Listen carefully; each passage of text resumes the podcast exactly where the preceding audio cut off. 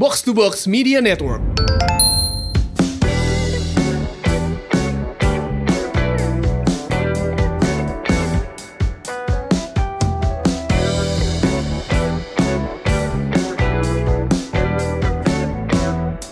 Hai guys, welcome to Semur, Sehat dan Makmur. Ini podcast yang membahas bagaimana kita bisa menjadi lifelong and prosper. Bersama gue, FX Mario, dan... Dan saya Ligwina Hananto. Ini kita udah episode 10 ya, Gwin ya? Ini episode ke-10, topik kali ini uh, sedap-sedap gimana gitu, karena yes, yes. biasanya gue sama Mario itu bahas yang berhubungan sama sehat jiwa, eh, sehat-sehat raga, sama sehat finansial. Nah, yes. hari, hari ini atas rekomendasi semurian pendengar kita yang dikasih nama fanbase norak banget itu Semurian. Dan gue bangga banget ngasih namanya Semurian. Dan kalian mengakui diri sebagai Semurian. Seneng banget loh gue. Um, ada Semurian yang ngasih usul bahas dong tentang kesehatan mental. Yeah. dan karena kita berani nyerempet sesuatu yang bukan bidangnya kita. Mm-hmm. kalau nyerempet spiritual kita berani ya Mario ya iya berani. Uh-uh. uh paling gak lo ada privilege apa ibu-ibu 40-an muslim pakai jilbab. Jadi lo aja yang maju gua, gitu, jangan gua. Aja. Iya, gue gue bebas aja. Iya, gue berkuasa. Lo yang maju, gue mau gue di belakang aja, gue gak berani kalau gitu. Maka khusus hari ini kita akan bahas tentang kesehatan mental dan kita udah ngundang narasumber kita Dokter Andri. Hai Dokter Andri. Hai Mbak Wina. Halo, apa kabar Mario? Hai dok, Dokter Andri ini belakangnya adalah SPKJ. Hmm. Apa tuh dok? Kedokteran jiwa, spesialis kedokteran jiwa. Busnya langsung kedokteran jiwa. Dokter Andri ini adalah seorang seorang psikiatris klinik psikosomatik um, dan juga adalah fellow Academy of Consultation, liaison psychiatry, member of American Psychosomatic Society. Kalau gitu kita kasih langsung pertanyaan yang pasti akan mengganggu lo karena terus menerus ada orang yang nanya kayak gitu termasuk gue juga. Hmm. Dok, bedanya psikolog sama psikiatri itu apa? Uh, beda gampangnya sih sebenarnya psikiater ya dokter, dia makanya disebut dokter spesialis kedokteran jiwa. Sehingga sekolahnya kedokteran. Ya, dia harus dokter dulu 6 tahun ya dulu, kemudian ngambil spesialis kedokteran jiwa 4 tahun. Ya, jadi nanti ada gelarnya spesialis kedokteran jiwa, psikiater gitu. Hmm. Kalau psikolog itu dia S1-nya psikologi, kemudian nanti dia mau hmm. ngambil jadi psikolog klinis salah satu pilihannya. Nah, itu dia biasanya master gitu di bidang psikolog klinis. Okay. Nah, biasanya kemudian dia uh, berapa ya dua tahun ya kalau nggak salah tuh ngambil masternya, hmm. kemudian jadi psikolog. Kayak S2 biasa dong ya, dua tahun ya dok ya? Empat sama dua ya berarti. Iya, nah, iya, jadi iya. kalau misalnya dari sisi keilmuan sih sebenarnya psikolog klinis itu hanya salah satu bidang ilmu psikologi ya, okay. karena kan ada psikolog perusahaan, ada psikolog anak ah. kayak gitu, ada psikolog iya, iya, yang iya, lainnya iya. gitu. Itu aja sih. Psikologi itu ada streamnya juga ya beda-beda. Iya. Jadi kapan orang pergi ke psikolog dan kapan orang pergi ke psikiater? Yes. Karena kayaknya nih belakangan ini gue mulai melihat mulai ada kayak apa ya mungkin baru awareness mungkin belum penerimaan tapi mulai ada awareness orang mengidentifikasi ini adalah kesehatan mental sehingga membutuhkan um, penanganan, penanganan khusus, khusus gitu. Hmm. Kayaknya kan kalau dulu ala lu stres doang lah, ya. lu cemen lu. Lu kurang ibadah lu. Kayaknya nggak bisa gitu. Tapi kayaknya sekarang udah lebih serius uh, apalagi bisa mengarah ke hal-hal yang sifatnya tuh fatal kayak uh, suicide gitu itu kan udah isu yang hmm. yang sensitif banget dan apa pun yang terjadi kalau buat gue itu harus harus dihentikan karena there's no turning back kalau orang udah udah bunuh diri sampai yeah, meninggal yeah, gitu. Yeah, yeah, yeah. Jadi kalau ada yang terganggu mentalnya um, kayaknya rasanya perlu ada solusi yang gue nggak sanggup tuh ngadepin kayak gitu harus orang yang ahli hmm. gitu dan gue cukup terganggu ketika mendengar ada orang yang curhat aja sama seleb kayak apa gitu yang menurut gue entar dulu jangan-jangan itu butuh penanganan khusus. Nah, ya. kapan kita ketemu psikolog dan kapan kita ketemu psikiater? Sebenarnya gitu tadi Mbak Wina benar bilang bahwa sekarang tuh awareness kita tuh mulai meningkat sih. Hmm. Menurut gue juga kayaknya lumayan orang mungkin banyak tahu gitu ya. Dulu waktu gue lulus 2008 jadi dokter jiwa, nggak seperti sekarang gitu ya. Gue masih main di koran gitu. Jadi nulis masih di koran dari 2006 di Suara Pembaruan gitu ya. Uh, radio sama teman-teman di radio misalnya. Jadi dulu tuh lebih awarenessnya nggak kayak di sekarang gitu pakai sosial media. Nah sejak booming sosial media itu mulai deh tuh orang mulai ada awareness. Hmm. Kemudian uh, kelihatannya film-film dari Hollywood juga membuat banyak uh, gangguan kejiwaan tuh makin dikenal gitu ya. Namun sayang ini kalau jujur aja sih kalau dari sisi kedokteran jiwa banyak teman-teman ini cuma sampai di self diagnosis. Nih, ini sayangnya gitu, Mbak. Self diagnosis itu yang ikut-ikutan kuis gitu Betul, dok. karena kan begitu banyaknya informasi sekarang mau dia mana pun uh, ada uh, gitu ya informasi.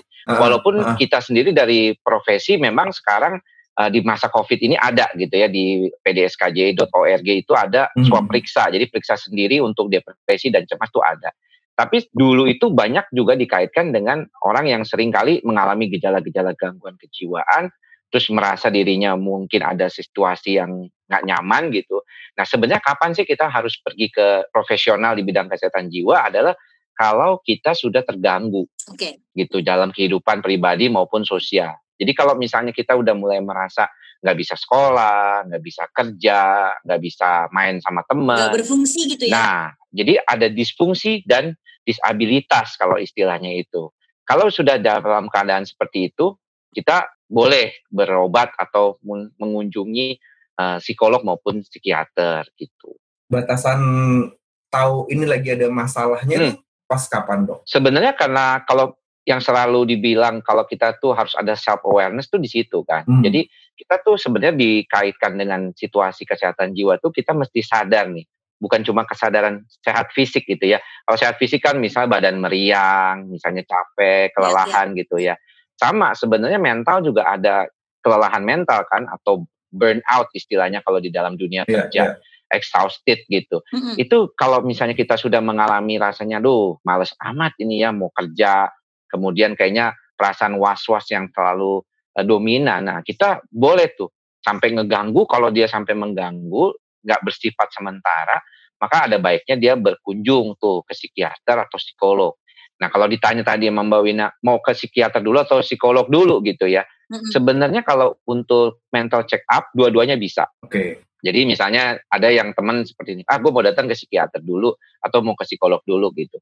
Walaupun mungkin kalau di kalangan uh, secara lebih luas orang lebih mengenal psikiater itu buat yang mengatasi gangguan jiwa yang cukup berat gitu ya. Yeah. Misalnya depresi dengan ide-ide bunuh diri, yeah. kemudian kecemasan yang sampai panic attack yeah. gitu, yang sampai nggak bisa uh, ngapa-ngapain gitu ya, sampai nggak mau keluar rumah. Yeah. Nah biasanya kita punya privilege gitu, artinya kita tuh bisa ngasih obat. Oh. Nah obat ini sebenarnya karena di sistem saraf pusat kita itu ada yang keganggu kan kalau kita mengalami masalah-masalah kejiwaan. Jadi bukannya kayak misalnya oh lu kurang ibadah nih, mm-hmm. lu kurang ke tempat uh, ibadah gitu. Bukan seperti itu kalau kita di, di psikiatri memandangnya lebih karena fungsi otak yang terganggu akibat dari uh, problem-problem masa lalu maupun kondisi yang saat ini terjadi gitu. Uh, jadi kalau orang depresi itu misalnya ya, hmm. beneran ada secara fisik yang terganggu di sistem Otak sarafnya ya? di otaknya gitu. Ya, kalau secara fungsional tuh memang ada. Mm-hmm. Jadi kalau kita melihat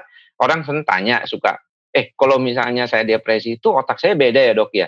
Kalau dalam artian satu dua bulan dia mengalami depresi, dia tidak terlalu perbedaan ada gitu. Jadi kalau di CT scan, MRI, ya hasilnya ya normal. Okay. Tapi di dalam fungsinya, misalnya kalau kita pakai functional MRI gitu ya, kalau di penelitian-penelitian itu terjadi tuh bahwa di daerah hipokampusnya, di daerah tengahnya, di sistem otaknya itu terjadi penurunan aktivitas gitu di hipokampus, di hipotalamus. Nah ini yang membuat tadi mengapa jadi nggak bisa berfungsi. Kelihatan kalau kita periksa yeah. secara Uh, tapi kan itu bukan pemeriksaan klinis biasa. Makanya kenapa kalau dokter yeah. jiwa sama psikolog tetap dari fenomenologis. Jadi orang itu datang dengan gejala, kemudian kita masukkan gejala itu ke dalam sindrom. Nah, sindrom itulah jadi istilah gangguan kejiwaan kayak gitu.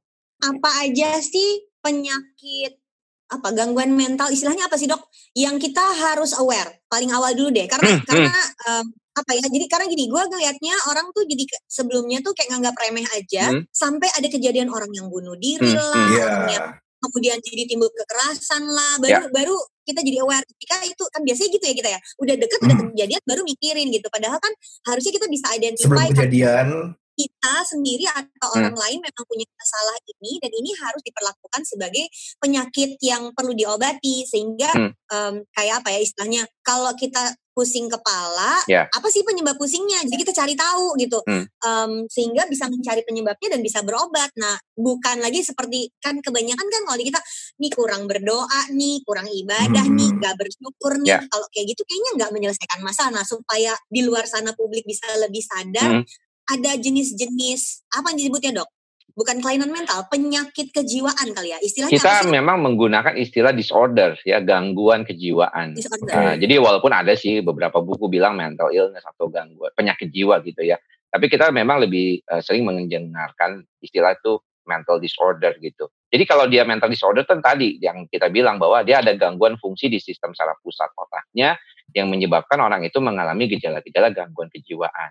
Nah, kalau ditanya gejala gangguan kejiwaan yang paling sering itu apa? Cemas sebenarnya. Oke. Karena cemas itu paling sering dialami. Hampir sepertiga penduduk dunia ini, Wow. kalau dari penelitian terakhir, tahun 2019 di Würzburg University di Jerman, itu memang mengalami masalah kecemasan ataupun pernah mengalami kecemasan.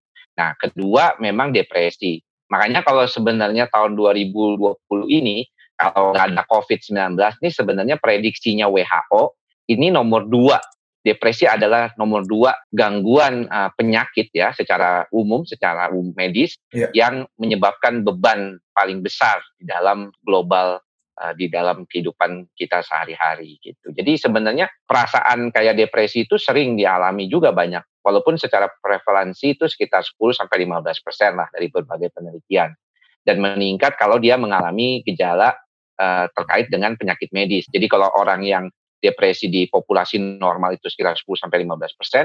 Kalau nih orang punya penyakit diabetes misalnya, dia bisa jadi 20 persen sampai 25 persen. Oh, dia meningkatkan resiko. Betul, betul. Dia istilahnya tuh comorbid. Jadi kalau ini depresi terjadi pada pasien diabetes, itu Mhm. prevalensinya orang yang diabetes mengalami depresi itu lebih besar daripada populasi normal. Oh. gitu. Kalau populasi normal kita 10-15 persen, tapi kalau orang diabetes kalau kita cek nih depresi kita screening itu lebih tinggi. Heeh. Stroke juga lebih tinggi Oh. gitu. Terus kemudian penyakit kronis kayak cancer atau misalnya penyakit autoimun ya sekarang itu lebih tinggi lagi kayak gitu. Ah. Istilah psikosomatis tuh Nah, apa? ya tuh banyak suka dengar tuh dok. Ya psikosomatik itu sebenarnya memang istilah yang di mana dikaitkan adanya hubungan antara mind and body gitu. Jadi pikiran dan uh, tubuh. Mm-mm. Nah, pada dasarnya kalau di klasik psychosomatic uh, medicine itu dibilang bahwa penyakit psikosomatik itu penyakit yang mana gejalanya ada gitu ya, tetapi sistem di obat apa sistem di dalam tubuh orang tersebut itu tidak masalah sebenarnya. Yang masalah adalah sistem di bagian otaknya. Jadi misalnya nih orang sakit lambung gitu ya, Iya. kebanyakan pikiran gitu, lagi banyak deadline atau banyak eh, hal-hal yang dia pikirin, stres, lambungnya kena gitu, asam lambungnya meningkat. Karena memang kalau kita stres itu asam lambung kita akan cenderung mengalami peningkatan sebagai respon gitu dari Oh. eh, meningkatnya sistem eh, saraf pusat di lambung itu sendiri gitu. Jadi itu yang disebut-sebut psikosomatik atau aduh kok sakit kepala gitu ya, terus-terusan sakit kepala. Iya, iya, iya. Tadi periksa, "Mm, nggak masalah gitu. Misalnya ini dok, habis baca berita tentang COVID, Hmm. Salah satu gejalanya misalnya menyerang pernapasan, kok gue jadi batuk-batuk ya gitu, jadi kok jadi gatel-gatel Nah ya? kalau begitu dia harus udah ada stresnya dulu. Oh. Makanya waktu pertama kali kita bicara waktu dua dua minggu pertama waktu COVID pertama kali muncul diumumkan oleh Presiden Uh-huh. Jokowi waktu itu itu dua minggu tuh langsung tuh mulai banyak tuh orang eh, mengalami gangguan kecemasan tapi bergejala fisik seperti kayak tadi sesak napas, batuk kering, Mhm. kemudian kayak eh, sakit kepala, demam bahkan padahal dipegang nggak demam gitu, diukur nggak demam Iya, iya. gitu. Nah itu waktu apa? Karena begitu banyaknya informasi terkait dengan Informasi. COVID, ah, dia masukin gejalanya karena dua minggu pertama tuh berita semua tentang gejala, mengenali gejala COVID, Ya, ya. oh, overwhelming Iya, itu dia, setuju. tuh. overburden, langsung dia. Dia bereaksi seperti gejala Mm-mm. COVID padahal belum tentu dia itu juga ya. Betul. Jadi memang periode pandemi ini tuh sangat berhubungan dengan kesehatan mental juga ya, Dok. Sangat sih, karena nanti saat kemudian fase-fasenya tuh beda-beda. Jadi fase dua minggu pertama sampai satu bulan itu muncul gejala-gejala psikosomatik. Kemudian masuk kita ke PSBB kan di April itu kan tanggal 5 ya. Yes. Nah, tadinya awalnya wah enak loh gue karena kalau dari penelitian itu kerja di rumah itu salah satu impian. Iya. Banyak di penelitian di Inggris itu di Inggris bilang lebih dari 5% pekerja itu menginginkan eh, remote eh, apa working gitu ya. Ternyata tidak seenak yang dibayangkan. Nah, Iya. ternyata setelah satu bulan berjalan oh, mulai tuh bosen Semuanya numpuk. ah, numpuk Hmm. terus bosnya nggak tahu diri juga bosnya kadang-kadang ngasih kerjaan jam 11 malam dikasih kerjaan gitu jadi kayak nggak ada waktu Itu yang ketawa paling kenceng yang bosnya tuh dok.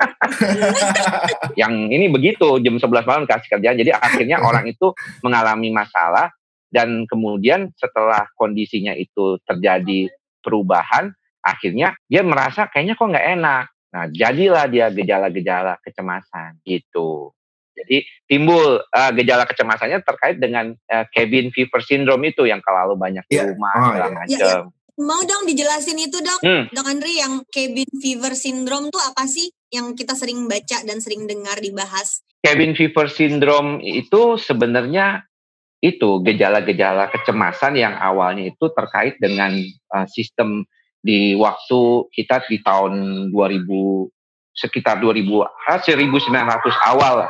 1900 awal kita itu melihat adanya situasi yang berkaitan dengan orang itu tinggal di dalam kabin gitu, di dalam kabin. Nah, kabinnya itu terkait uh, musim dingin di Amerika. Jadi orang bisa 2-3 bulan ada di dalam kabin tersebut dan kemudian ada perubahan dari uh, kecemasan, dia takut, dia was-was dan segala macamnya itu. Nah, di situlah terjadi istilah cabin fever syndrome di mana orang itu mengalami kecemasan, rasa lelah berlebihan, ketakutan gitu ya, nggak uh, rasanya tuh putus asa bahkan dan itu terjadi seperti itu kayak gitu. Apa ciri-cirinya? Maksudnya em, aku punya dua anak remaja dan satu anak kecil yang tiga bulan terakhir kan hidupnya berubah banget ya. Hmm. Yang anak remaja tuh ada yang memang anaknya anak gamer, jadi dia dikurung di dalam kamar dia baik-baik aja karena dia senang, dia biasa dari dulu juga hidupnya adalah di depan screen. Tapi ada satu anak yang kerjanya tuh nonton konser, kerjanya tuh hangout di mall, pulang sekolah itu pasti main sama temen-temennya. Begitu dia sebulan dua bulan nggak keluar tuh eh, ada tuh sakit perut lah, pusing-pusing lah, apalah. Jadi aku tuh sempat kemarin, apakah ini disebut cabin fever syndrome sehingga aku bawa dia jalan-jalan keluar, nggak sampai ke mana-mana sih, cuman keluar kompleks aja biar dia lihat matahari, lihat langit biru gitu. Yang kayak gitu-gitu tuh, misalnya jadi orang tua gitu ya, atau jadi jadi pasangan gitu. Kita perlu melihat rambu-rambu apa di di keluarga kita kalau sampai ada yang kena cabin fever syndrome. Kalau misalnya cabin fever syndrome sih sebenarnya artinya kalau misalnya kita kondisikan pada keadaan di keluarga, sebenarnya uh, problem yang utama itu adalah bagaimana kita bisa melihat apakah memang dia itu udah bosen gitu terhadap keadaan ini gitu. Hmm. Jadi keadaan ini tuh ada yang di dua tiga bulan di dalam rumah itu dia nggak masalah, dia biasa-biasa aja gitu, dia bisa adaptable gitu, Ya. dan dia merasa kayak main game segala macam nggak. Tapi ada yang nggak nyaman gitu. Nah, jadi di dalam rumah itu dia merasa nggak nyaman gitu. Uh, apalagi kalau misalnya orang awam tuh suka bilang, oh dia nih extrovert gitu ya. Biasanya tuh ketemu Iya, sama iya. orang Walaupun tuh bukan itu artinya, Ah. tapi istilah gitu. Ya jadi kayak gini tuh nggak nyaman buat dia. Buat kita nih apaan sih ketemu di zoom begini ngelihat muka lagi di kaca Iya, iya, gitu. Gue pengennya ketemu cipika-cipiki langsung gitu. Nah Aha. itu buat dia itu jadi penderitaan kalau di dalam. Nah ketika itu dia mulai merasa ada perasaan nggak nyaman, orang itu sebenarnya kan dari persepsi. Kalau dia persepsinya udah nggak enak ke sesuatu hal, maka otak sistem amigdalanya itu akan merespon. Oh ada something wrong nih eh, dengan orang ini. Oh, Berarti kita harus siap-siap nih, kayak fight and flight response gitu. Iya, iya. Jadi kayak ayo bersiap ngapain? Denyut jantung ditingkatin, asam lambung eh, ditingkatkan karena mungkin ada kita mau makan nih. Reaksi badan ya sebenarnya juga ya Memang. ya. Makanya itu istilah psychosomatic medicine atau kedokteran psikosomatik yang saya pelajari waktu di Amerika itu tahun 2010. Memang sebenarnya lebih banyak mengkaitkan masalah kejiwaan dengan apa yang ada terjadi di sistem tubuh kita gitu. Jadi berarti kalau kita bahkan dikatakan orang yang mengalami depresi sebenarnya itu terjadi peradangan di seluruh tubuhnya. Karena kenapa? Karena kortisolnya kan tinggi Seluruh biasanya. tubuh. Jadi seluruh tubuh. Hmm. hmm. Makanya orang nggak heran tuh kalau misalnya orang sekarang kalau dia autoimun aja misalnya rheumatoid arthritis, nah dia terkait pada sakit makin tambah dia depresi, dia lebih gampang eh, sakitnya tuh radangnya tuh lebih, Lebih susah, sakit, ya. Ah, lebih susah baik kayak gitu, rematik gitu orang. Jadi istilah-istilah perlu membuat hati yang gembira itu penting juga ya dok. Iya, Ada di Alkitab hati yang gembira Adalah adalah obat. obat. Ya maksudnya mau masuk spiritual gitu Mar. iya, betul, betul sekali gitu. Tapi ya memang secara umum eh, awalnya itu kayak kita melihat persepsinya itu yang penting. Jadi kalau kita udah mempersepsikan negatif aja tuh, udah langsung dan berasa tuh uh, tubuh tuh langsung merupakan satu proses di otaknya itu berbeda kayak gitu. Pengobatan seperti apa dok yang dilakukan oleh seorang profesional medical practitioner yang bidangnya psikiatri seperti dokter Andri? Pendekatan kita sebenarnya uh, biopsikososial spiritual gitu tambahan sekarang gitu ya. Jadi dari sisi biologi di otaknya itu ada apa ada sesuatu. Kita tahu tadi ada sistem yang tidak seimbang gitu ya. Kalau teman-teman udah pada banyak tahu tuh amigdalanya nggak seimbang kalau cemas serotoninnya nggak seimbang gitu. Kemudian masuk ke sisi psikologi. Psikologis ini yang psikoterapi ya jadi kita berbicara gitu. Ada terapi perilaku ada terapi kognitif ya kan? Ada terapi mindfulness kayak gitu. Itu masuk ke sisi psikologi sosial juga ada. Misalnya modifikasi lingkungan bagaimana kita bisa uh, merasakan kenyamanan begitu. Di dalam kehidupan kita sehari-hari bagaimana kita merespon kalau ada. Makanya ada terapi kelompok hmm. yang salah satunya misalnya buat pecandu alkohol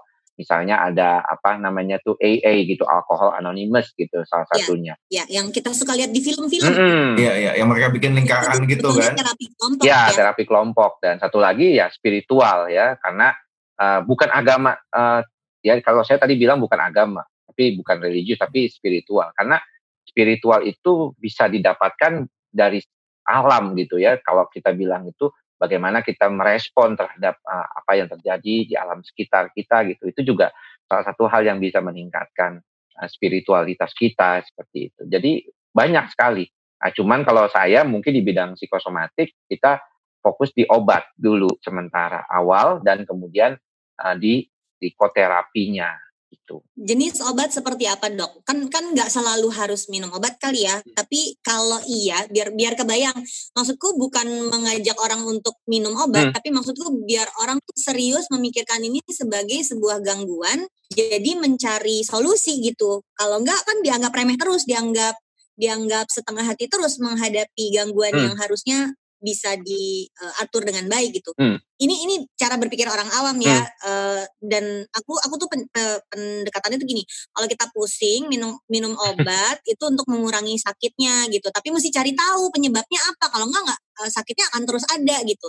Nah, jadi kalau aku mau menganggap gangguan jiwa ini sebagai sebuah sakit yang serius, hmm. kalau misalnya dikasih obat, obatnya kayak apa sih? Uh, dan kalau nanti kita mencari penyebabnya, berarti kan mesti cari tahu misalnya tadi lingkungannya, ya. apakah secara biologinya yang memang harus diatur.